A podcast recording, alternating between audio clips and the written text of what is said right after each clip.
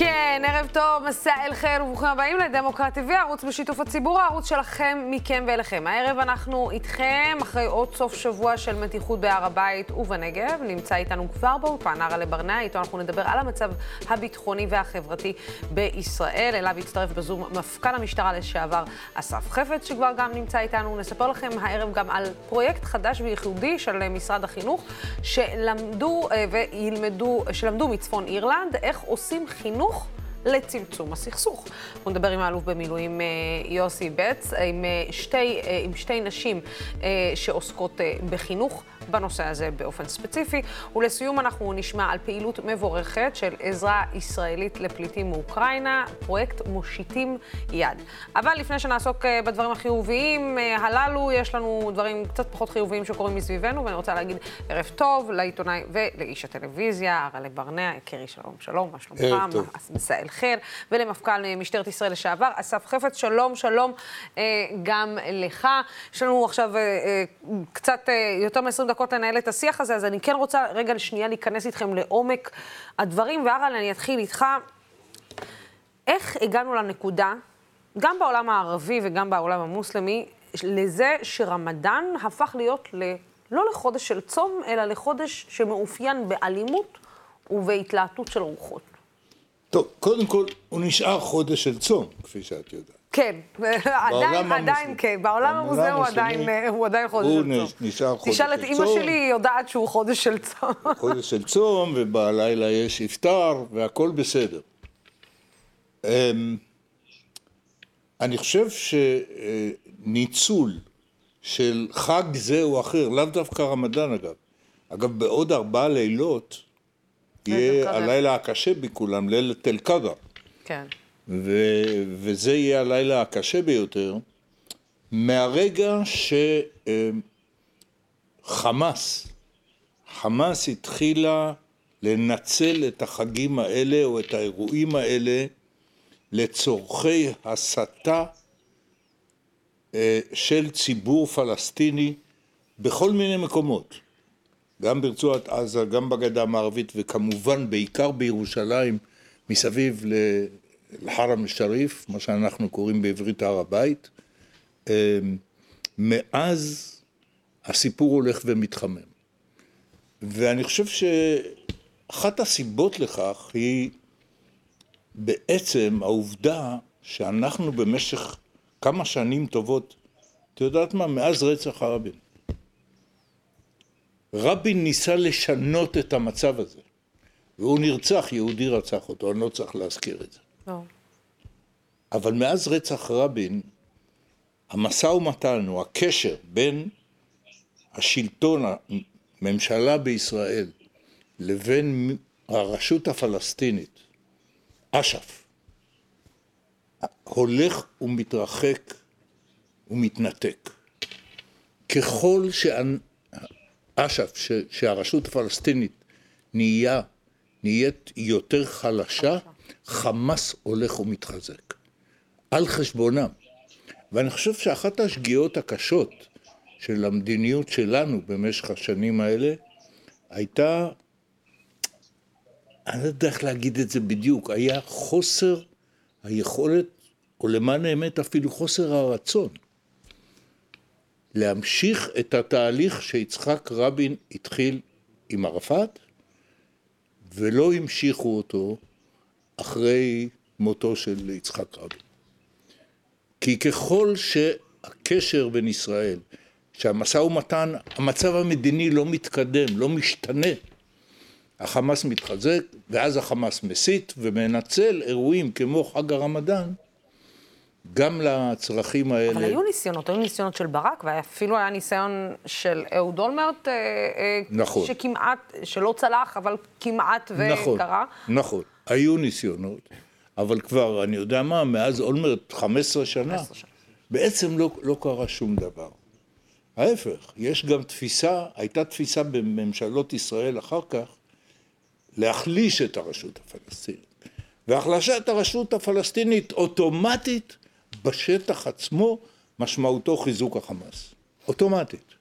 אסף, בעצם אנחנו רואים את משהו שדיברנו עליו כבר הרבה מאוד שנים, ההחלשה של הרשות הפלסטינית, חוסר, אולי אפילו ההבנה של... גם בהעברת המסר אולי לשוטרים. אתה יודע, מגיעים לדקה ה-99, כאילו הרמדאן בשנים האחרונות בא בהפתעה כל שנה ל- ל- לכל הצדדים. כאילו לא יודעים שיש רמדאן בכל שנה, כאילו לא יודעים שיש אלת אל-קאדר, כאילו לא יודעים שיש אל-פסח, כאילו... ההרגשה הזאת שלא מכינים את השטח מבעוד מועד להבנת הרגישות, להבנת החשיבות, להבנת הרגעת הרוחות. הרי אנחנו יודעים... אסף, אתה יודע את זה יותר טוב ממני, שהתמונות של שוטרים בהר הבית זה תמונות שלא רק, מילא מקפיצות פה, אבל הן מקפיצות את כל העולם המוסלמי בשנייה וחצי. נכון, תראי, אני לא חושב שהמשטרה לא התכוננה, היא התכוננה יפה מאוד, ואני חושב שגם בשבוע האחרון היא פועלת יפה מאוד. נכון. צריך לזכור, בהר הבית, מבחינת משטרת ישראל, אסור שיהיה הרוגים, ואסור שיזרקו אבנים על המתפללים בכותל. זה כן. התפקיד של המשטרה. שהמשטרה חוטפת אבנים והתפרעויות כאלה אחרות זה פחות חשוב. חשוב שלא תהיה חדירה למסגד אל-אקצא, ואני חושב שהפעמים שהמשטרה נכנסה לשם נגמרו לא טוב. אני חושב שהמשטרה הבינה את זה, שהיא צריכה לפעול ולטפל בדברים בלי להיכנס למסגד אה, אל-אקצא. ואני חושב שבשבוע האחרון הם איזנו בין האילוצים השונים בצורה נכונה והכילו את האירועים בצורה כזאת שהיו נכון הפרות סדר, היו אירועים אלימים, אבל הם היו בשליטה והיו באיזון. ופה אני בהחלט רוצה לתת ציון לשבח למשטרת ישראל. שלא נתתי את זה במקרים אחרים, במקרה הזה השבוע אני חושב גם כן את אה, אה, שבת האור, או אה, שהייתה אתמול בירושלים, הם ניהלו את זה בשום שכל, בחוכמה ובאיזונים הנכונים. ועל כן אה, צריך, אה, הייתי אומר, אני מצדיע גם למפכ"ל, גם למפקד המחוז, לשר, שהם אה, לדעתי ניהלו את הנושא הנכון. היו טעויות בעבר והיו טעויות גם הפעם, אבל אנחנו צריכים להבין שהמתפרעים מנצלים את אל-אקצא על מנת להתמקם בו, לאסוף אבנים וליצור התפרעויות שמחייבות את המשטרה להיכנס פנימה, אה, בתואנה שהם אה, צריכים לאפשר את התפילה להמוני המוסלמים שמגיעים לשם, ולמעשה הצעירים שמתכוונים להתפרע מפריעים לכך. אני חושב שהחמאס ניצל את זה בצורה, אה, הייתי אומר, לא מתאימה, והצליח ליצור מצב בעולם שכאילו ישראל מפירה את ההבנות ואת ה... הסטטוס קוו. את הסטטוס קוו, כן. בהר הבית. השאלה היא... אם מותר לי רגע פה להעיר, מה שאסף אמר עכשיו הוא נכון מאוד, אבל נדמה לי שהפשלה הגדולה מצידנו היה שלא הצלחנו להראות לעולם מי באמת הפר את הסטטוס קוו. נכון. ובזה די נכשלנו, כי התמונות האלה שראינו עכשיו, של ההתפרעויות בהר הבית, הן לא עושות לנו טוב. אבל בדיוק עם התמונות האלה, מדינת ישראל הייתה צריכה להסביר מי הוא זה שהפר את הסטטוס קוו. כי תשמעי, במשך הרבה שנים, הרבה שנים, היה סטטוס קוו נשמר בהר הבית. במיוחד אחרי הסכם השלום עם ירדן, כאשר ירדן קיבלה לא את הריבונות, אבל את האחריות דרך הוואקף כן, המוסלמי את האחריות על, על הנושא הזה של המסגדים בהר הבית. ו, וזה באמת הדבר ש, שבו אנחנו לא עשינו מספיק, לא השקענו מספיק גם השנה. יכול להיות שההידרדרות של היחסים גם בין ישראל לירדן, במידה כזאת או אחרת, או קירור היחסים בין ישראל לירדן, גם גרם לירדן לא ממש לרצות אמ, לתת את ה... לעצור את אותם צעירים מלבצע את מה שהם צריכים לבצע, או להקשות את ידם עם אותם אנשים שמנ... או גורמים שמנסים להפר את הסדר בהר הבית? אני... עכשיו שבאת אליי עם השאלה הזאת, אני בן אדם שאוהב פרספקטיבה היסטורית. Mm-hmm. אני לא חושב שהירדנים יכולים לשלוט על זה, משם. אבל צריך לזכור, ב-1951, נרצח במסגד אל-אקצא סבא רבא של המלך הנוכחי בירדן. הסבא של המלך חוסיין, המלך חוסיין שהיה אז בן 15 וחצי, היה איתו בתוך מסגד אל-אקצא, באותו יום שהוא נרצח, הוא חטף כדור בחזה, הילד, המלך חוסיין בן ה-15 וחצי, הכדור נתקע במדליה שהייתה לו על החזה וככה הוא ניצל. גם על ידי מוסלמי קיצוני. ולכן הקשר של ירדן לאל-אקצא הוא, יש לו גם משמעות היסטורית מאוד מאוד מכובדת וחשובה. למשפחה האשמית בכלל. אני לא חושב שירדן משם יכולה להשפיע על הצעירים שמשתוללים בהר הבית, שהם מושפעים אה, מהחמאס. אבל העובדה שירדן מוחה על מה שקורה שם, זאת, זה ביטוי לצער האמיתי שיש בבית המלוכה הירדני, במשפחה האשמית, על כל מה שקורה שם. אנחנו לא נתנו להם בתקופה האחרונה, דווקא בסוגריים, היחסים בין ישראל לירדן לאחרונה, לאחרונה השתפרו מאוד. לאחרונה, בשנה האחרונה, כן. השתפרו מאוד. אה, לא נתנו להם מספיק חבל לנהל דרך הוואקף המוסלמי את האחריות על מה שקורה שם. אני לא אומר ריבונות, הריבונות זה ריבונות ישראלית, זה ברור. אני רוצה רגע לשאול את שניכם, אתם, את, יש דברים שעוברים לי בראש בימים האחרונים, וההרגשה היא שאני מרגישה, אסף, אראלה, תגידו לי אתם אם אתם אה, מסכימים, שבכל פעם שיש איזושהי רגיעה של סיטואציה אה, כלל אזורית, אפשר להגיד, גיאופוליטית, גם במיוחד אצלנו בארץ, ישנו איזשהו חיבור. של גורמים קיצוניים יהודים מצד אחד, עם גורמים קיצוניים מוסלמים מצד שני, שמצליחים פשוט לערער את אותה רגיעה שאנחנו נמצאים בה.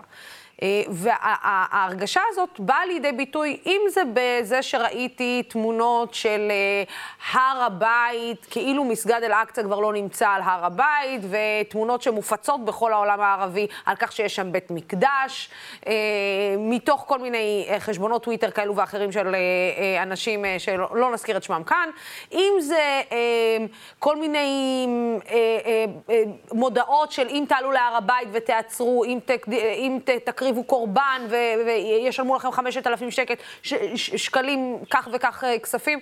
אה, גם התמונות האלה מופצות על ידי חמאס וברשתות החברתיות הערביות. זאת אומרת, ההרגשה של ההלהטה של שני גורמים קיצוניים, הן מהצד היהודי והן מהצד המוסלמי, מרגישה כמעט, כמעט כמו שיתוף פעולה של שני הצדדים האלה. נכון. אה, אני, אני מנסה להבין את זה, אסף, ברמה, אם זה סתם קורה, או שאתה יודע, בעקבות זה גם שפתאום אה, אה, התפרסמו שהיה שיח בין אסמאעיל הנייה ל... אה, ל... איתמר בן גביר. אה, כן, איתמר אה, בן גביר, אה, או בין נתניהו ל... אה, אה, למנהיג חמאס אה, שהעבירו מסרים ביניהם, כאילו ניסו לתאם עמדות כאלו לא ואחרות. האם זה לא, לא כזו, כזו או אחרת? על פי הפרסום בידיעות אחרונות, בין ח'אלד משעל לבין...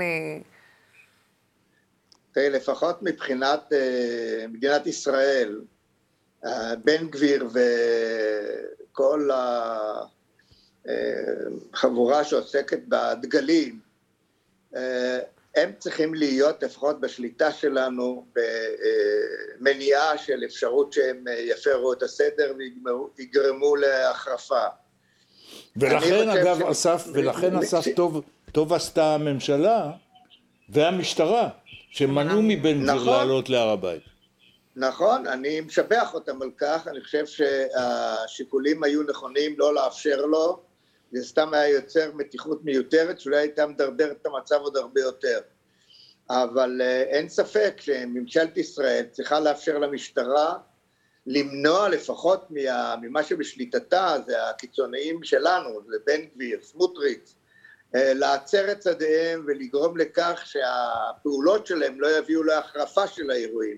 ואני חושב שבשבועות, בשבועיים האחרונים אה, ביצעו את זה כמו שצריך. נכון. אני מסכים לחלוטין. אתה יודע, פרסום כמו זה שהיה חילופי מסרים בין יחיא סינואר לבין אה, אה, נתניהו, זה לא משהו שאתה יכול להגיד לעצמך, אוקיי, אנחנו מדברים על יחיא סינואר, אנחנו מדברים על נתניהו, לחשוב שהשניים האלה העבירו פתקים או אני, מסרים אני או משהו... אני הייתי שם שם כמה סימני שאלה, אם באמת היה דבר כזה. הפרסום הזה עוד לא שכנע אותי. אבל תראי, זה תמיד ככה. ששני הצדדים הקיצוניים, בשני הצדדים, הם תמיד אלה שגורמים לכך ש, שמה שהם עושים יעלה לכותרות. אגב, ערפאת בזמנו טען, או טענו נגדו, שהוא משתף פעולה עם הימין הקיצוני בישראל, הוא בעצמו, כשהתחילו המהומות של האינתיפאדה השנייה ב-2001. כן, תמיד זה ככה, זה הסיפור. הקיצונים האלה הם אלה שמחרבשים את כל העולם. אגב, אה, אה, אסף, אם אנחנו מסתכלים אה, על הימים הקרובים בירושלים, אתה חושב שבעצם המשטרה, ממה שאתה רואה, ערוכה לימים האלה שהולכים להגיע אלינו? אני מאוד מקווה שכן, כמו שהם נראו בשבועות האחרונים, או בשבועיים האחרונים, הם נראים מצוין, והם ערוכים ומבינים בכל הדרגים, גם המפקדים וגם האנשים בשטח, ובעיקר מה שאנחנו רואים, שמצליחים להכיל את האירועים בלי לגרום להרוגים. החוכמה של המשטרה היא איך למנוע את זריקת האבנים ואיך למנוע ולאפשר את, התפילות בהר הבית בלי לגרום או בלי להיגרר לשימוש בירי חי או בלי לגרום להרוגים ואני חושב שבשבוע, שבועיים האחרונים הם מאוד מצליחים בגישה הזאת ושאפו למשטרת ישראל ולמפקדים, וגם למפכ"ל, גם לשר וגם למפקד במחוז ירושלים. אגב, אסף, הרבה זמן שלא שמעתי אותך מרעיף אה, מחמאות אה, למשטרת ישראל אחרי תקופה ארוכה שהיה לך הרבה בטן מלאה על ההתנהלות. נכון מאוד. אני חושב שבשומר חומות הם אה, כל הזמן פיגרו אחרי האירועים. לפני שנה הם התנהגו או יצרו איזשהו פעילויות קיצוניות או חריפות מדי. החוכמה של המשטרה לשמור על האיזון, זה לא פשוט, כי האירועים והאילוצים הם מסובכים בצורה בלתי רגילה, בייחוד בתקופה האחרונה, שהם מנצלים את מסגד אל-אקצא להתבצר בפנים, לאסוף uh, גם uh, אבנים וגם uh, כלי נשק אחרים, בעיקר החומרים או הרימונים שהם מפוצצים אותם או הרקטות, והוואקף לא מצליח להשתלט. בעבר אני, אני לא זוכר שהוואקף היה כל כך חסר אונים נכון. מול האלימות, מול הקיצוניים האלה. וברגע שהוואקף לא יכול, המשטרה צריכה להיכנס לפעולה. השאלה כמה היא נכנסת ובאיזה מחיר. ואני חושב שב... בתקופה האחרונה הם יודעים לעשות את זה במינון הנכון. אגב, אתה חושב שהמשטרה מצליחה להשתלט גם על הסיטואציה בנגב, או ששם אנחנו עדיין לא ממש רואים השתלטות, גם מפאת חוסר כוח אדם, גם מפאת אולי שהשטח הוא בכלל שונה לחלוטין? תראי, בדיוק, זו בעיה בעיה אחרת, אבל אין לי ספק שגם משטרת ישראל וגם הפעולות של הממשלה מול מה שקורה במגזר הבדואי בנגב, אני מאמין שלאורך זמן, לא מיד, אבל לאורך החצי שנה, השנה הקרובה, אני מקווה שיהיה אה, יותר משילות ויהיה שיפור המצב גם הביטחון וגם השתלטות על הקיצונים הבדואים שמפרים את הסדר ומפרים את החוק. אה, אסף חפץ, תודה רבה לך אה, על כך שהצטרפת אלינו בשיחה הזאת. תודה רבה. אה, אראלה, אני רוצה להמשיך איתך. אה, אתמול אה, הלך לעולמו בבית לחם סלאח טעמרי, גיבור הספר שלך ללכת שבי, איש הפתח הבכיר ביותר שנפל, שהיה בידי ישראל. כן, בשבי, כן, בידי ישראל.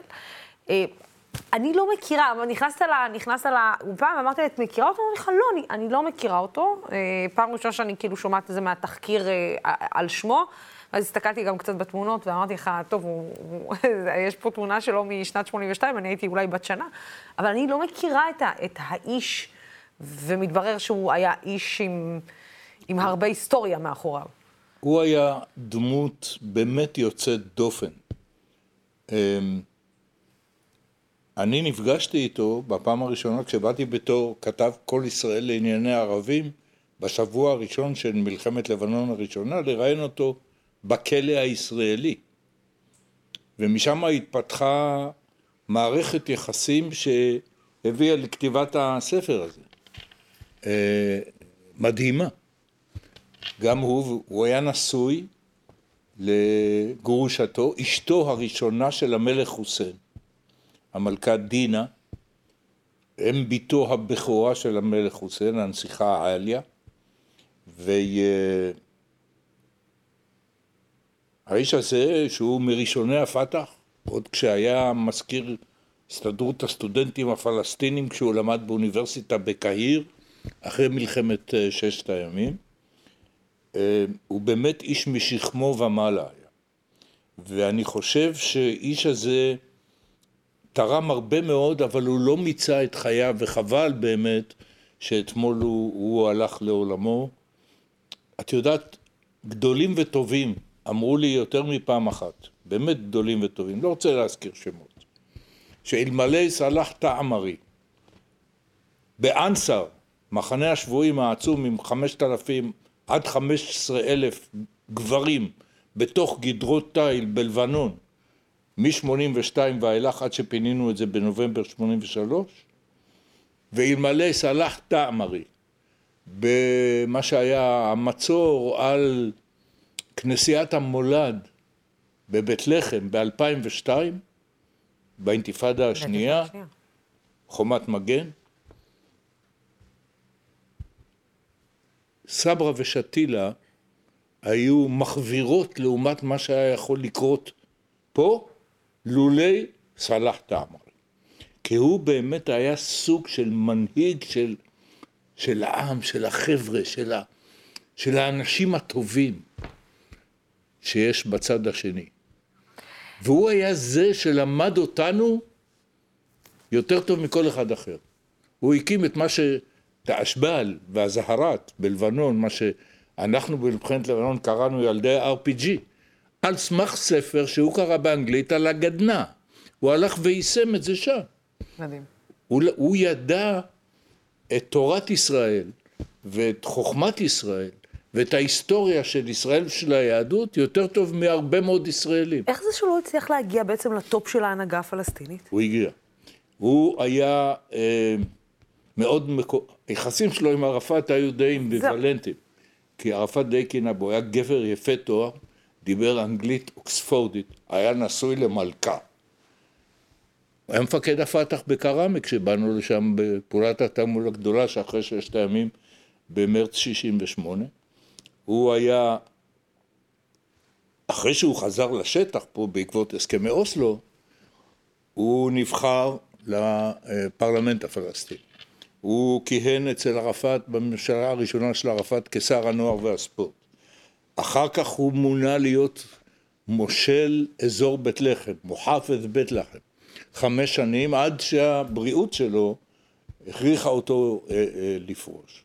אבל אין שום ספק שגם בהיסטוריה הפלסטינית, אגב, אני קראתי אתמול את הדברים שפרסם אבו מאזן אה, בעקבות מותו. הכרה יש אצל כל הפלסטינים, שזה היה סוג של מנהיג, תשמעי, אם הוא היה עומד בראש המשלחת הפלסטינית לשיחות השלום, ואני הייתי עומד בראש המשלחת הישראלית לשיחות השלום, היינו גומרים הסכם בעשר דקות. כי הוא הכיר בזכותנו, בתנאי שאנחנו גם נכיר בזכותם. וזה היה צעד מאוד מאוד חשוב, הוא היה תמיד נגד טרור, נגד טרור עיוור.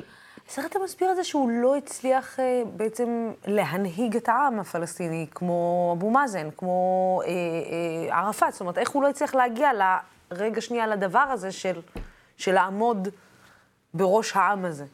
חסוד. את יודעת מה זה? חסות בערבית. זה, תשמעי, היו לו לא מעט אנשים שלא אהבו אותו. לא אהבו אותו בגלל שהוא באמת היה בולט יותר מכולם.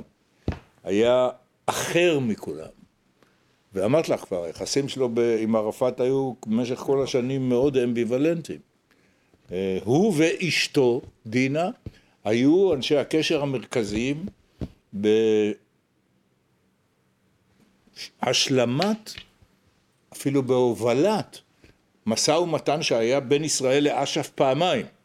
פעם אחת עם ערפאת, כתוצאה מזה חיסלנו את אנסר, קיבלנו בחזרה שישה משמונת חיילי הנחל שנחטפו בלבנון, חילופי שבויים. פעם שנייה, אה, עסקת ג'בריל במאי 85, שלושה שבויים שלנו שהיו אצל אחמד ג'בריל בדמשק, בעבור 1,150 שאנחנו שחררנו מפה, כולל קוזה אוקמוטו יימח שמו, אלמלא הוא והיא, זה לא היה קורה. מתי דיברת איתו פעם אחרונה? לפני כמה שבועות דיברנו בטלפון. באמת? כן, הוא, הוא סבל מאוד, הבריאות שלו הידרדרה מאוד, הוא עבר שני ניתוחי לב פתוח, אחד בהדסה בירושלים, אחד באמ"ן. היה לו שני אירועים מוחיים, הוא סבל מסוכרת. מזמן כבר נקטעה רגלו, לאחרונה נקטעה רגלו השנייה, והמצב הבריאותי שלו הלך והידרדר, ומותו הוא קשה, אבל לא היה צפוי. זה מרגיש לי כאילו איבדת חבר. חבר אמיתי. היינו, באמת זו הייתה חברות אמיתית, בהחלט. את יודעת, כשהייתי אצלו בריאיון הראשון, באתי לעשר דקות, כי מה אתה יכול לצפות משבוי שנמצא בכלא? שכבר יגיד לרדיו הישראלי. הלכתי לעשר דקות, השארתי שמונה שעות. בסוף הריאיון הוא אמר לי שהחגורה שלי, חגורת המכנסיים, היא מאוד יפה, הורדתי ונתתי לו אותה. עד היום, עד אתמול הוא הלך עם החגורה הזאת. וואי. אללה ירחמו. אללה ירחמו. כשדיברת איתו בפעם האחרונה, אני חושבת שהרבה זמן לא ראיתי מישהו מתרגש אה, ככה מ... או לא ראיתי אותך מתרגש ככה ממוות של מישהו. נכון, הוא באמת היה... הוא היה חבר. חבר לדרך, במשך הרבה שנים. זה התחיל בתור רעיון מאוד טריוויאלי, אבל זה, זה התפתח לממדים עצומים. לא רק איתי אגב, עם הרבה uh, קצינים בכירים, uh, אנשי ממשל שלנו, שמאוד מאוד העריכו אותו. כמו שאמרת לך, אם אמרו, אם לא הוא, מי יודע מה עוד היה קורה. כשדיברתי איתו על המצב uh, בינינו לבין הפלסטינים? הרבה פעמים. מה הוא חשב על המקום שאנחנו נמצאים בו? הוא חשב, הוא ניתח נכון את כל הטעויות שאנחנו עושים ואת כל הטעויות שההנהגה שלו עושה. הייתה לו ביקורת קשה גם על ההנהגה שלו, לא רק עלינו.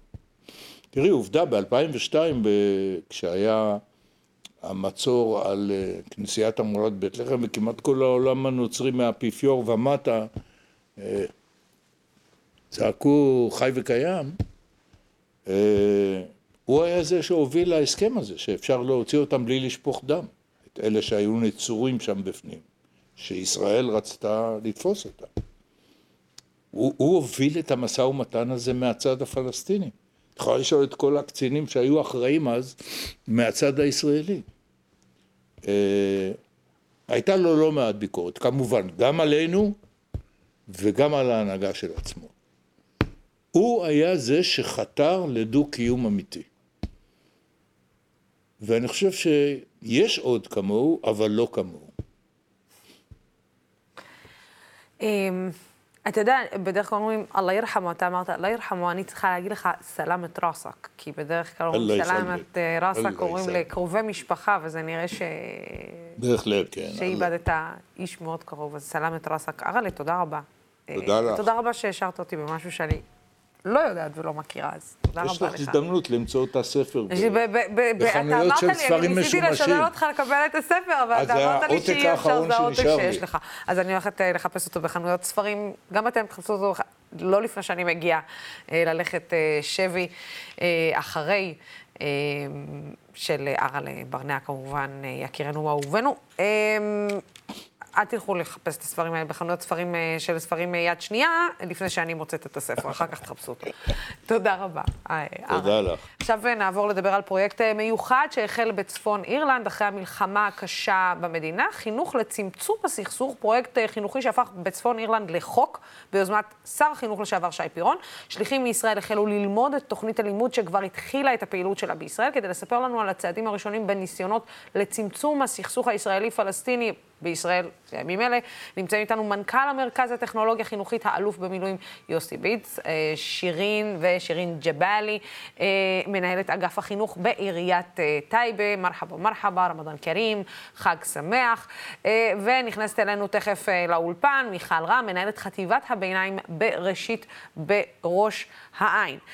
יוסי, אני רוצה להתחיל איתך, בעצם מה זה צמצום הסכסוך? אה, תסבירי, אנחנו מדברים על, הרבה על ניהול הסכסוך, אנחנו מדברים הרבה על, אה, על לנסות למצוא פתרון לסכסוך, פה אנחנו מדברים על צמצום הסכסוך. תנסה להסביר לי את המושג החדש הזה. ערב טוב, שלום לך גם אה, שירין, רמדאן כרים. אה, אני חושב שאנחנו באים מנקודת מבט אה, ריאלית, שאפתנית וצנועה כאחד. הסכסוך מקורות רבים לו, ואני לא חושב שרק מימד אחד יכול לפתור אותם. שנים רבות עסקתי במימד הביטחוני של הביטחון הלאומי, להצליח לנהל את הסכסוך, לעזור ב... לפתור את הסכסוך. אני בשנים האחרונות אה, הצטרפתי לארגון למט"ח שבעצם עניינו הוא איך ליצור חינוך רלוונטי לעידן הזה במדינת ישראל.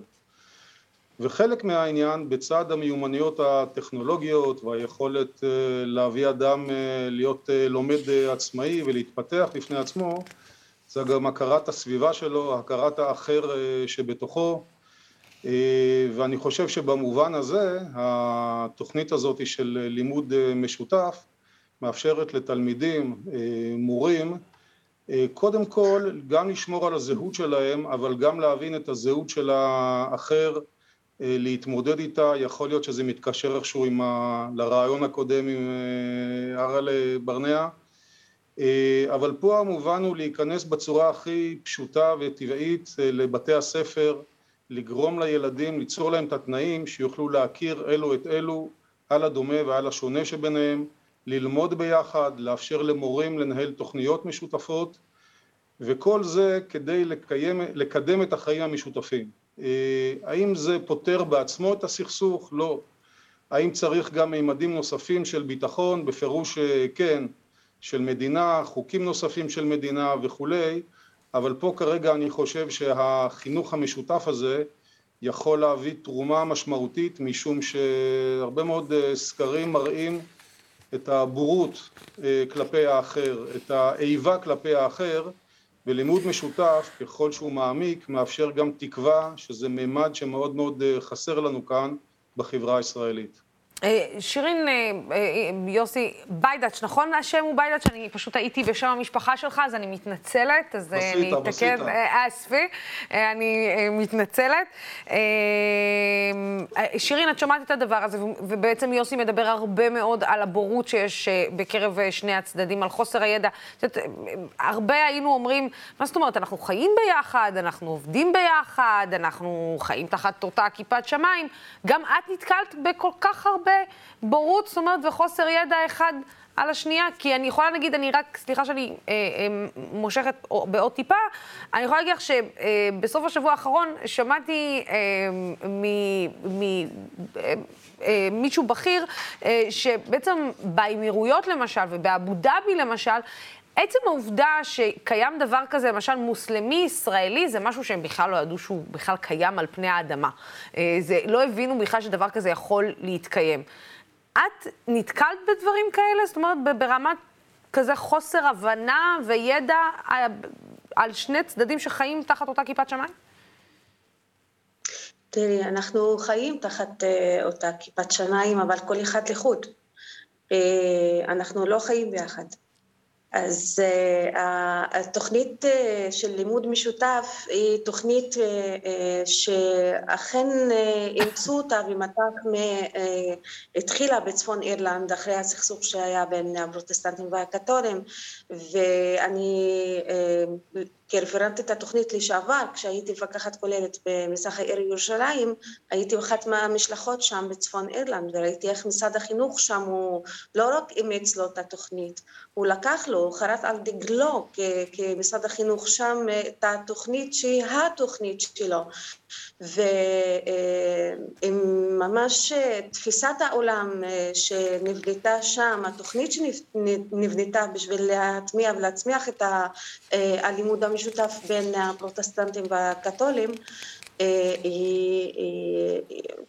תקשיבי, עד עכשיו, עד היום, כבר שנים התוכנית נמצאת שם, ועד היום הפרוטסטנטים והקתולים, כל אחד חי לחוד. אבל אה, דרך הלמידה משותפת, החשיפה הזאת מתקיימת, אנחנו, אנחנו לא נחשפים אחד לשני, כאילו החשיפה לאחר והשונה היא לא, היא לא קיימת אה, היום אה, אצלנו, ורק דרך הלימוד משותף אנחנו מנסים אה, להיחשף לאחרים. האחר במובן של האחר השונה במהותו, בלאומו, בזהותו, בדת שלו, האחר השונה בדעה שלו. אה, זה, זה מאוד חשוב אה, לדעתי שגם אה, דרך לימוד משותף הילדים שלנו נחשפים אחד לשני כי אנחנו, היו כל מיני תוכניות של דו-קיום. הייתי, כשהייתי, אני זוכרת שהייתי בבית הספר, היינו בגבעת חביבה, היינו בנווה שלום, היינו פה ושם, וכאילו טופל נקודתית ב... בעניין, אה, ש... בעניין הזהות יותר, זהות לאומית, ולא דיברנו על לימוד ולא דיברנו על תוכניות משותפות דרך בתי הספר. אה, היו סדנאות כאלה שממש התעסקו בסכסוך לעומק הפוליטי ולא בדבר הרחב, לא כאילו בציר, רק בציר הפוליטי, ואנחנו פה דרך הלימוד המשותף אנחנו גם בציר הפוליטי וגם החברתי וגם הזהותי והאנושי.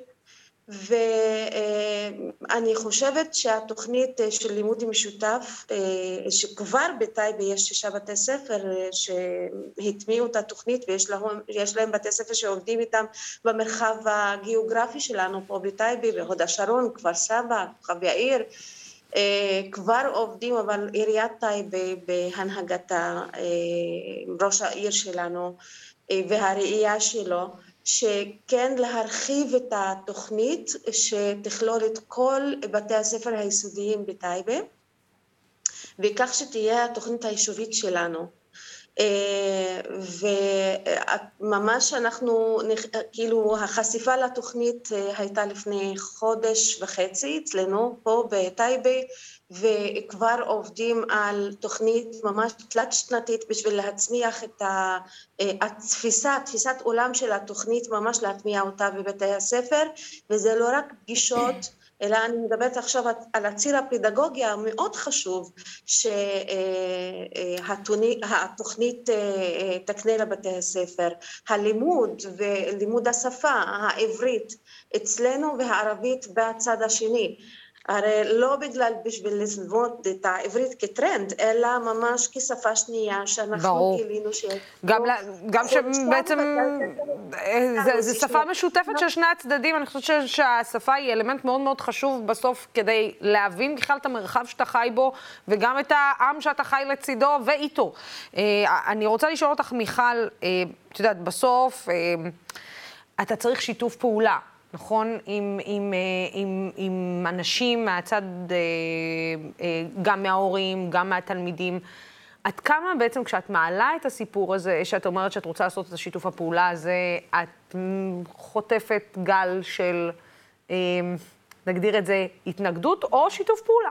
אוקיי, okay, אז, אז אני, אני יכולה להגיד שאני זוכה לשיתוף פעולה מדהים של התלמידים. התלמידים אה, עפים על המפגשים, על הלימוד המשותף, אה, תלמידים שלצורך העניין אה, לא ראינו אותם בולטים באופן מיוחד בתחומים אחרים, ופתאום פה בש... במפגשים האלה הם פורחים. הקושי הוא באמת, אני חייבת להגיד יותר עם ההורים. וואו. ההורים מפחדים, ההורים חוששים. אני אתן דוגמה, הייתה אמורה להיות לנו היום ממש מפגש בכפר קאסם, הלימוד המשותף שלנו עם כפר קאסם.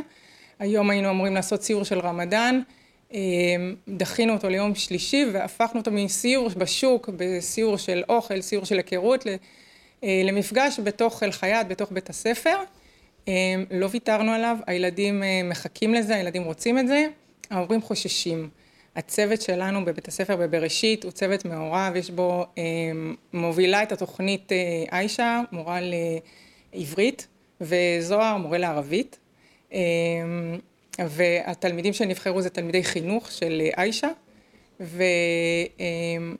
שם יש רצון להיות כמה שיותר, כמה שיותר מפגשים. המפגש האחרון היה במגדל צדק, למדנו עברית וערבית. התלמידים של אל-חייאת למדו עברית דרך אתרים, דרך נקודות ציון, הם עשו ניווט משותף, ככה קבוצות מעורבות. אה, ותוך כדי הלימוד על מגדל צדק הם למדו ערבית, למדו עברית, למדו על, ה, על התחביבים, הם, הם לא מדברים על הסכסוך, זאת אומרת הסכסוך הוא לא איזשהו אישו, האישו זה באמת הלימוד המשותף, זה ההיכרות, זה ההבנה שכמה שאנחנו לא מכירים אנחנו בעצם אותו דבר, אנחנו זהים, אנחנו עם אותם תחביבים, אה, אנחנו אוהבים את אותם דברים. אה, זהו, וזאת התוכנית, זה מה שהיא בעצם מנסה לייצר. לייצר מפגש, היכרות, העמקה, באמת אה, לדעת ולהכיר את הצד השני, בלי בעצם אה, להתעסק רק בפוליטיקה, רק בסכסוך, רק במה שלא עובד, אלא להפך, להסתכל על, ה, על המשותף. אה, לכן זה נקרא גם לימוד ומשותף. יוסי, אתה שומע את ה... בעצם את שני הצדדים האלה. אתה יודע, הרבה מאוד פחד. אנחנו שומעים פחד אה, מכל הצדדים, ואפשר להבין גם פחד בעיקר מהצד היהודי, של רגע, שנייה. מאיפה מתחילים לנטרל את הפחד הזה. זאת אומרת, אה, אתה יודע, זה מתחיל כמובן בשפה, כי ברגע שאתה מבין אז אתה יודע, אז אתה מפחד פחות. אבל באמת, מאיפה מתחילים לנטרל גם את הפחד הזה? אני חושבת ש... תמיד לפחות אני רואה, אני חושבת שילדים פוחדים פחות מהורים, כי אנחנו מודעים יותר בצורה כזאת או אחרת, או אנחנו עושים קלקולציות אה, לכל מיני דברים, אבל מאיפה אנחנו מתחילים בכלל לנטרל את זה? אני חושב שמה שיפה בתוכנית הזו, ואולי את זה למדנו ביחד אה, בצפון אירלנד זה שנטרול הפחד בא ב... מכמה כיוונים, הוא בא מהתלמידים, מהמורים, המנהלים, אבל גם מרמת המדינה. השותפים למפעל המאוד יפה הזה, שזה משרד החינוך, שזה בית ברל במקרה שלנו בין השרון לבין המשולש, שזה קרן יוזמות אברהם, הבינו שצריך לפעול בכל הכיוונים. ובעצם התלמידים עצמם כשהם חוזרים הביתה מספרים את הרשמים אה, יש להורים מה ללמוד. אה, זה מתוך אה, הבנה שספרים מה למדת בגן היום זה לא רק איזה דיווח אינפורמטיבי על משהו שההורה כבר יודע אלא התלמיד מחדש גם להורה לאחים לסביבתו. אבל אני חושב שהשינוי הגדול אפשר שהוא נמצא עכשיו בימים אלו הוא נמצא בידיים של משרד החינוך הפרויקט הזה הוא כבר בן כמעט אה, שמונה שנים, אבל עכשיו אה, יש קולות חדשים וגם סימנים אופרטיביים חדשים מצד שרת החינוך, מנכ"לית החינוך, המשנה למשרד החינוך, שבעצם באים ורוצים להכניס את זה בצורה מאוד ברורה בקרב בתי ספר רבים, ולא רק בקרב כמה איים כפי שזה היום, אלא בצורה נרחבת שתהיה חלק מתוכנית הלימודים. וכמו ששירין אמרה, היפה במודל הזה שבעצם תלמידים לומדים מתמטיקה ביחד, אנגלית ביחד, שפה, אזרחות, מדברים גם על הבעיות המשותפות ותוך כדי זה עושים את זה בכמה שפות ותוך כדי שוני תרבותי.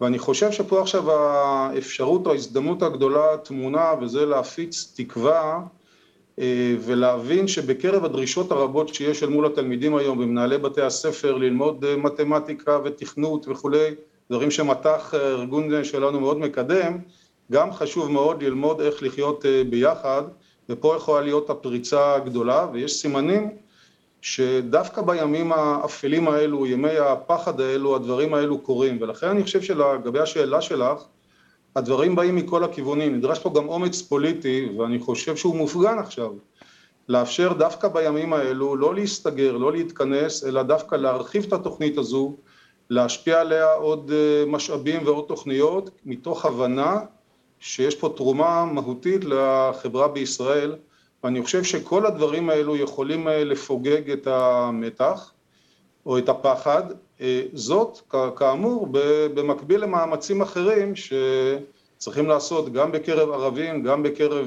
יהודים, גם על ידי כוחות הביטחון, בסוף זה עניין מערכתי שצריך להיות מטופל בכמה ממדים. אגב, אה, אתה יודע, יוסי, בסוף אנחנו מסתכלים על הנהגה, וכשההנהגה במשך שנים די פיצלה בין הצדדים ובין, אה, ובינינו לבין עצמנו, אז אני, אני מנסה להבין מאיפה ההנהגה החדשה אה, אה, באה לחבר ומאיפה מתחילים. אני בראש ובראשונה חושבת שזה מתחיל ב, ב, במערכת החינוך. זאת אומרת, אם זה לא יתחיל מאפס, היישום של הדבר הזה יתחיל מאפס בעיניי, אפילו מגילאי גן, אז אה, אין לנו, לא, לא תהיה לנו תקנה לעוד הרבה מאוד uh, שנים. Uh, אבל uh, שירין ומיכל, דווקא במקום הזה של, ה, של הסכסוך הזה, אנחנו ש, uh, כולנו מרגישים עדיין את, uh, את uh, אפשר להגיד, את, ה, את הפצעים של uh, שומר חומות. Uh, דיברתם על זה, שירין, על, על העניין של שומר חומות? בעצם כמה הסיפור של שומר חומות, אה, בוא נגיד, אה, די הפר את האיזון אה, עוד יותר בין שני הצדדים, שירין? לא, אנחנו לא דיברנו על זה. אנחנו התחלנו לדבר על הפדגוגיה ולא, ולא התחלנו ב... לא התחלנו בנושאים שהם אה, ממש בוערים, אנחנו התחלנו לדבר על אה, ממש אה, דברים שהם משותפים ולא שכאילו... מפרידים. מפרידים, כן. אצלכם דיברתם? לא, על... אני, אני מאוד מסכימה עם שירין. הרעיון הוא באמת להתחיל מהדברים המשותפים, מההיכרות, ללמוד שבעצם הדברים המשותפים הם, הם, הם המון דברים, יש המון דברים משותפים בין אה, בני הנוער, אני מדברת על בני הנוער. ברור. ובהמשך, אם יהיו דברים שהם מחלוקות, ואפשר לדבר עליהם, אבל זה מתוך היכרות, אני כבר מכיר את, ה, את החבר שעומד לידי, אני מכיר אותו, אני, אני יודע מי הוא, אני מזדהה איתו, יכול להזדהות איתו. ואז אפשר באמת לדבר על הדברים היותר אה, כואבים, היותר פוצעים, אבל באמת אה, אנחנו מתחילים, אה, כמו ששירין אמרה, מהפדגוגיה, אנחנו לומדים, כמו שהזכרתי על מגדל צדק, אז לומדים את זה בערבית, לומדים את זה בעברית. איזה דברים אנחנו יכולים ללמוד אבל ביחד. אני, אני חייבת לשאול אתכם, איך אפשר בסופו של דבר... כאילו, סליחה שאני מתעקשת על, על הנקודה הזאת, אבל איך בסוף, לא. עם המציאות שאנחנו חיים בה, איך אנחנו יכולים בסוף אה, לנתק את מה שקורה ולהגיד, רגע, שנייה, בואו נשים רגע את זה בצד, מבלי לדבר גם על הפחדים, מבלי להגיד, מה שראיתי אתמול מאוד הפחיד אותי, מה שראיתי אתמול מאוד כאב לי, אה, התמונות אה, אה, הציקו לי, איך שדיברו אתמול על ערבים או איך שדיברו על יהודים פגע בי. זאת אומרת, איך אי אפשר לדבר על זה, כאילו, במרחב הזה שאנחנו חיים בו? שירין. אני, אני חושבת שאם, קודם כל זה תלוי רצף גיל. אם אנחנו, אני אשת פדגוגיה, אני, אם אני מדברת על, אה, את תכף, את דיברת על גן שמתחיל מגן. כן. גן יסודי, זה, אם מדברים על שכבת גיל אה, של גן ברצף של יסודי, אז, אז אה, זה, זה לא בריא בכלל להתחיל בלא משותף. כן. וכשמתבגרים בחטיבה ובתיכון, אז כן, בסדנאות שלהם הם מעלים, הם מדברים, אבל זה מכוון, זה מסודר, ברור. זה כאילו ממש אה, אה, נבנה בתוכנית, וישבו אנשים וכתבו את זה, איך להעביר את זה, איך אה, להסדיר את זה לתלמידים. אבל כל עוד אנחנו מדברים על 11 בתי ספר יסודיים, אנחנו לא מתחילים מפה, אנחנו מתחילים ממש בפדגוגיה. כן.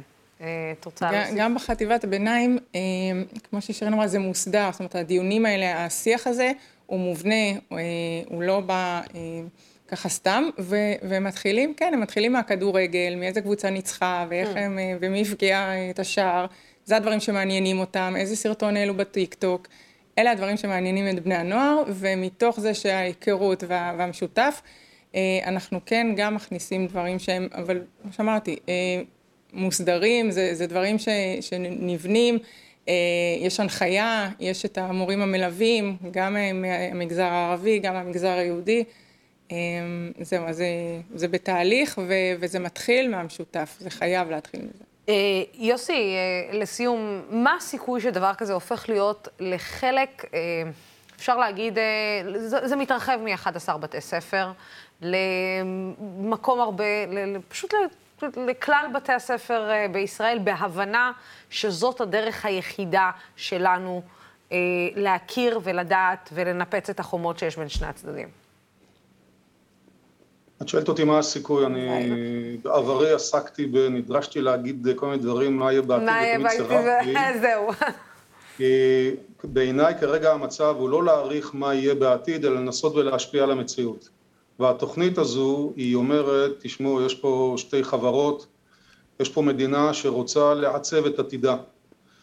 וכרגע בעיניי העניין הוא לא להעריך אם יש לזה סיכוי או אין לזה סיכוי, אלא להשקיע ולהרחיב מאוד את התוכנית. כשאני דיברתי קודם על ההנהגה הישראלית, אנחנו uh, נוהגים תמיד לתת uh, ציונים ולשפוט. כרגע המגמות שאני מזהה במשרד החינוך בהקשר של הלימוד המשותף, הן אצלי נוסחות uh, תקווה ומראות שיש אפשרות uh, סבירה בעיניי, שאם נמשיך ונתאמץ, כל השותפים אלו שמרואיינים פה כרגע ויש עוד רבים אחרים וטובים, אה, אני חושב שיש אפשרות להרחיב את זה למעגלים הרבה יותר אה, נרחבים. חינוך זה עניין שלוקח זמן, ברור. זה לא יקרה ב- ביום אחד או בטווח קצר, אבל אני חושב שזו מגמה מאוד ברורה עם היגיון אה, רב מאוד מאחוריה, ולכן במובן הזה אנחנו עושים את זה כמו כל הרעיון של המדינה הזו מתוך הרבה מאוד תקווה והבנה שאפשר להגיע למציאות אחרת. אה, אז אה, יוסי שירין אה, ג'באלי ומיכל רם. תודה רבה לכם על מה שאתם עושים, תודה רבה לכם על התקווה בימים מתוחים אלה, ותודה אשריכם. רק איך, איך אמרת, נדרשת תמיד, יוסי, לדעת מה יהיה בעתיד. איך אומרים בערבית? חבה חבה, צעד צעד, זה כנראה הצעד, הדרך הטובה ביותר. Uh, תודה רבה לשלושתכם uh, על הרעיון הזה, ועכשיו uh, נמצא איתי כאן אדם שעושה פעילות חשובה מאוד, פרויקט מושיטים יד לסיוע לפליטים מאוקראינה. נמצא איתי אמיר גיא מחברת Fiverr, שיספר לנו איך עולם אה, אה, Fiverr, איך שיספר לנו איך עולם העסקים קשור לעזרה לפליטים. שלום, שלום. שלום, שלום. נעים מאוד. אתם בהייטק, בעסקים, באיפה ש... איך, איך אוהבים להגיד עליכם, אה, אי שם במרומי מגדלי השן, קשורים בכלל לעזרה בפליט, לפליטים? אז קודם כל, אנחנו בני אדם, והיוזמה שלנו התחילה, האמת, מיוזמה אינדיבידואלית, לא מיוזמה. של חברה. אה, של חברי ושותפי בחברה עופר כץ ומיכה קאופמן, שהם המייסד של Fiverr. ואני, שנדברנו בינינו כאנשים, לא כחברה, ואמרנו, מה אנחנו יכולים לעשות בשביל לא להיות במצב הזה של אה, תחושה של חוסר אונים, שרבים מאיתנו הרגישו ש, שלא עושים מספיק. אה, והיוזמה התחילה באמת כאנשים פרטיים. Fiverr נרתמה. לנושא והרימה תרומה יפה, אבל גם אנחנו בעצמנו התקשרנו לחברים, תרמנו מכספנו האישי, ו... יצא המצב שאנחנו סוג של איזושהי ברנז'ה של אנשים שבאים מהתחום של הייטק ונרתמו לעניין, תרמו כסף, והלכנו ופעלנו. אתה יודע, אה, האוטומט זה, זה, אתה אומר, מאיפה מתחילים? כי אני יודעת שזה היה, בס, נקרא לזה בסבב הקודם, לפחות mm-hmm. עם כל הסיפור אז של הפליטים מסוריה. אה, תמיד, מאיפה אתה מתחיל? למי אתה פונה? אתה רוצה לעזור לאנשים שזה במדינה אחרת, במקום אחר, אתה לא דובר את השפה. מאיפה זה מתחיל, כל הדבר הזה? ש- שאלה מצוינת. אז, אז לא ידענו, לא הייתה לנו תשובה על זה. פשוט אמרנו, בניתוח שלנו, פנימי, מה קורה? יש המון המון פליטים על הגבול, המון פליטים שנכנסים לתוך אירופה. לחלקם חסר מקום מגורים, חסר ביטחון, חסר uh, טיפול בילדים, חינוך ובריאות. הוא פשוט ניסה, נראה במה אפשר לעזור. היה לנו איזשהו רעיון אה, לשכור מלונות בפולין ובגרמניה ולהעביר לשם פליטים. לא ידענו אם זה רעיון טוב, אמרנו נלך ונבדוק בשטח. הרמנו טלפונים לעמותות שונות, אה, כמו אה, Israeli Flying Aid ולב אחד, ושאלנו, והם אמרו לנו, תשמעו, זה, תשמעו, זה נשמע רעיון טוב. יש עמותות שעוסקות בלהעביר ציוד פנימה, אבל הרעיון שלכם נשמע טוב. בואו ותעשו אותו. אז, אז זה סוג של יוזמה, אני מניח, כמו שמתחילות כל היוזמות, בלי לדעת, בלהעלות רעיון, וללכת ולבדוק אם יש התכנות לרעיון. ואתם מגיעים לשטח ואתם אשכרה שוכרים מלון? כאילו מה? הגענו אתם... לשטח, עוד לפני השטח התחלנו להרים טלפונים. שאלנו אם זה באמת צורך, ואמרו לנו שכן. אמרו לנו שמרבית הפליטים שנכנסו בתקופה הראשונה, בחודש, חודשיים הראשונים, יש להם לאן להמשיך. הם מגיעים, בעצם נוסעים לחברים או למשפחה. ברחבי אה, אירופה, ונשארים אצלם. אבל גם הבנו שחודשיים קדימה, הם יצטרכו למצוא פתרון נוסף. הבנו גם שיש אחוז די גדול של אנשים שאין להם לאן להגיע. הם יוצאים מאוקראינה בשביל הביטחון האישי שלהם, ונתקעים בתחנות רכבת ברחבי אה, אירופה, בוורשה, ב... ואמרו לנו, האנשים האלה באמת מטפלים בהם שם, זאת אומרת, ניגשים אליהם, נותנים להם מזון, זה לא מצוקה של אה, אוהלים בשלג. אבל זה לא מקום שאתה רוצה, אתה לא רוצה לישון בתחנת ברור. רכבת אם אתה אימא עם שני ילדים קטנים. ברור. אז נסענו, ביקרנו בתחנות רכבת, בקרקוב בהתחלה, ואחר כך בוורשה, ואחר כך נסענו למדיקה לגבול. דיברנו עם הפליטים עצמם, הבנו שזה רעיון טוב, ועוד לפני הכנו לנו כמה מלונות שהתקשרנו אליהם מארץ פשוט, כמו שזה נשמע, הרמנו טלפונים למלונות בפולין ושאלנו אם אפשר לשכור אותם לתקופה של אה, מספר חודשים. ואמרו לנו כן, ועשינו משא ומתן, והלכנו וביקרנו במלונות, ובסוף שכרנו מלון. אתה יודע, בסוף אתה, כשאתה שוכר מלון, ואתה שומע את הרעיון, אתה אומר לעצמך, זה פתרון מדהים לטווח הקצר. נכון. אה, בסוף האנשים האלה בורחים, ברחו ממלחמה, עוזבים חיים, עוזבים בית. השאלה אם יש לזה המשכיות, זאת אומרת, אוקיי, בחודשיים, שלושה הקרובים יש קורת גג, יש... אבל מה הלאה? זאת אומרת, זה, חשבתם על ה... אוקיי, בוודאי. רגע שנייה, אנחנו נלווה אותם גם בלמצוא בתי ספר, בלמצוא שכונה מתאימה, בלשכור דירה בעתיד. זאת אומרת, זה משהו ש...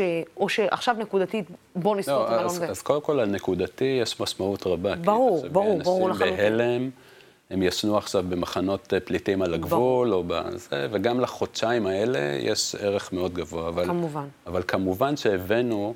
גם נעזרנו בכל מיני עמותות שעושות את זה והבאנו ללוקיישן עצמו, וגם בפעולות שלנו, אנחנו מביאים סיוע בניירות, בלנסות למצוא מקומות עבודה, כי ברגע שיש פרנסה, אז אתה כבר גם יכול לשכור אה, דירה, להמשיך הלאה למדינות שונות. אבל גילינו עוד משהו. גילינו שמסתבר שיש הרבה מאוד מדינות באירופה שמוכנות לקלוט מספרים גדולים של אה, פליטים, אבל אין להם איך להגיע לפליטים. הדרך שהם עושים את זה לרוב, זה שולחים נציגים לתחנות הרכבת ומקימים איזשהו בוס. אנגליה, ספרד, יוון, איטליה, ו... ואם הפליטים רואים את הבוסים האלה, אז הם מגיעים, ואז מעניינים אותם בכל מיני מקומות שיקלטו אותם בעבודה, ומעלים אותם פשוט על אוטובוסים למקומות האלה. זה היה נראה לנו שה scale של זה הוא מאוד אה, קטן, ו... העלינו עוד רעיון, פשוט לבנות פלטפורמה דיגיטלית, בצחוק אנחנו נקרא לזה רגע Booking של, אה, לפליטים, שמצד אחד נעלה עליה את כל המקומות והארגונים שמוכנים לקלוט עשרות אלפים, מדהים. לפעמים מאות אה, אלפים, ולעשות איזושהי פעילות תקשורתית מקומית עם הפליטים ופעילות התנדבותית, ולחבר בין השניים. זה עוד דבר שאנחנו עושים עכשיו ומנסים... אה, גם לבדוק היתכנות שלו, וגם זה, זה עולה כסף לעשות את הדברים האלה, אז גם לגייס סביבו כסף. כשאתה חוזר, אחרי שאתה עושה דבר כזה, אמ, ואתה רואה את המצב של האנשים שם, ואתה רואה לאיזה מצב האנושות יכולה להגיע בכל פעם מחדש, הכף שם או שהיא פה? בלהבין פרופורציות ומה חשוב בחיים. הכאפה דווקא לא באה מהמקום הזה. הכאפה באה מהמקום של אה, כשאתה חוזר לפה ואתה רואה שהנושא הוא, הוא באג'נדה, אבל הוא לא מטריד כמו שהוא צריך להטריד, זאת הכאפה האמיתית. כי כשאתה שם, אתה רואה שמדובר פה באירוע דרמטי שמשפיע על החיים של מיליוני אנשים. אתה שומע גם סיפורים, זאת אומרת, אתה רואה את המראות, נכנסנו גם לאוקראינה, הגענו עד לביב בשביל לפגוש את האנשים, ואתה המום מזה שכשאתה חוזר לארץ, אין פה רעש וגעש סביב העניין הזה. יש כאילו, אני, אני חייב להגיד שיש הרבה ארגונים, פגשנו הרבה ארגונים בדרך ישראלים. ישראלים. אה, לב אחד וארגון אה, קצינים 21-41 ו Flying Aid ששולחים אנשים כל הזמן, יש רכבת, אם, אם את מחפשת טיסה לפולין, לפעמים קשה למצוא, כי יש רכבת של מתנדבים, אבל נורא קשה לנו לגייס כסף. כי אחרי שסחטנו את החברים שלנו, ואתה אומר, אוקיי, צריך לגייס פה עוד חצי מיליון דולר, כי, כי חודשיים במלון זה חצי מיליון דולר, או להרים אה, פלטפורמה זה חצי מיליון דולר, אנחנו עובדים בזה מאוד קשה, ובגלל שאין הד תקשורתי סביב הסיפור, זה כמעט ובלתי אפשרי, ואתה יודע איך יכול להיות. כן, היה לזה הד תקשורתי בימים הראשונים, כשהיה עוד uh, כותרות נכון. והיה עוד עניין, כשזה הופך להיות שגרה, אז... גם, uh... גם שגרה וגם זה נכון שיש לנו... את הנושאים שלנו, שהם כנראה תופסים... גם זה, אבל אני חושבת שזה בכל העולם. נראה לי שזה פשוט בכל העולם, אה, זה מעניין בדיוק לימים הראשונים, ואז פשוט... אה, או שעד שתבוא הפצצה גדולה נוספת, ואז כן. יראו, יצא עוד תמונות זוועה. כאילו, הרוטינה, במרכאות כפולות ומכופלות. ואז במקום אה... האישי שלנו אנחנו חושבים, רגע, זה בעצם ככה העולם מתנהג כשההורים שלנו היו במצוקה הזאת? ברור. ברור. ואז נשאר סימן שאלה אחד גדול, האם בכלל האנושות לומדת מההיסטוריה, כן או לא. כן. כנראה שאנחנו... אני חייב להגיד שבכולם זה נוגע, כן? כשאתה מדבר ברמה האישית. אבל אה, הייתי רוצה שהעולם יגיב בעוצמה יותר גדולה, לפחות למקרה הזה של הפליטים, שיש עכשיו קרוב לארבעה מיליון אנשים, בעיקר נשים, ילדים ומבוגרים, חסרי בית. כן, זה, זה בערך אה, מספרים... אה, אה, זה מספרים מטורפים שאני חושבת שאנשים לא מעכלים אותם, צריך רגע שנייה להגיד לאנשים, זה כמעט אוכלוסיית מדינת ישראל. זה כן. שפשוט גם... קמה ועזבה את הבית שלה. ואת ה, בדרך כלל את הבני זוג, את, את הגברים, שהמשפחה שלו זה גם משפחה מפורקת, עם ילדים שאין להם אבא, ונמצאים רק עם האמהות. זה, זה סיפור נוראי, שאני מרגיש שהוא לא, לא מזעזע אותנו מספיק. אני יכולה להגיד לך שבתור מישהי שהייתה פעמיים אה, במחנות פליטים סורים, אחרי, אחרי המלחמה, די, דרך אגב, בעודנו מדברים, עדיין מתרחשת, אה, וגם שם מדובר על מספרים של מעל לעשרה מיליון, ו... אה, את, אנשים, רק כשאתה מגיע באמת למקומות האלה, אתה מבין את גודל הצבאה, אתה שומע את הסיפורים, אתה מבין עוד יותר את גודל הזוועה, ואז אתה מבין שלצערי, האנושות לא לומדת מההיסטוריה בשום אה, צורה שהיא, וה, והמלחמה הסורית קרתה לפני שנייה וחצי. Mm. והנה ברוסיה זה קורה שוב, וב... אה, אתה יודע, באתיופיה זה קורה בעודנו מדברים, ובמדינות אה, נחשלות אחרות זה קורה בעודנו גם מדברים, והאנושות יש לה כן. את הדרך שלה לשכוח דברים ו- ו- ולשים אותם בצד כשזה לא חשוב. זה לא... בסוף הכל חינוך. כן. ובסוף כנראה יש משקל מאוד גדול למעשים של אנשים אה, פרטיים, מי שיכול. נכון. ואני חושב שבסוף, גם אם אתה מביע איזושהי מחאה בפייסבוק או ברשתות החברתיות, או מרים תרומה ושתהיה הצנועה ביותר, נותן לך איזושהי פתח להעביר מסר לילדים שלך. איך אפשר לעזור לכם, דרך אגב? אז יש אה, מספר טלפון לתרומות, אני לא יודע אם רשמנו את זה. אה, אנחנו, או שאנחנו ניתן את זה, כן, זה, זה עבר אה, כמובן, אז כן. יש את המספר טלפון כאן, וכמובן שאנחנו נעלה את האייטם, אז אנחנו נשים את מספר הטלפון. תודה רבה. לך ולחברים שלך ולמה שאתם עושים, ואיזה כיף. כן, זה, זה, זה היופי של ישראל, אמיר, בחו"ל. זה מה שלא רואים, זה ישראל שלא רואים. כן. אה, וזה הישראל שלנו, שאנחנו יודעים שהיא טובה ויפה ומדהימה בזכות אנשים כמוך והחברים שלך. תודה רבה לך. תודה לך, לוסי, ותודה על הבמה, ואנחנו נמשיך. אנחנו מצידנו אה, נדחוף אה, כמה שאנחנו יכולים. כמובן, ברגע שהאייטם עולה, כמו שאתם יודעים, לרשתות החברתיות, כל הפרטים אה, נמצאים אה, שם.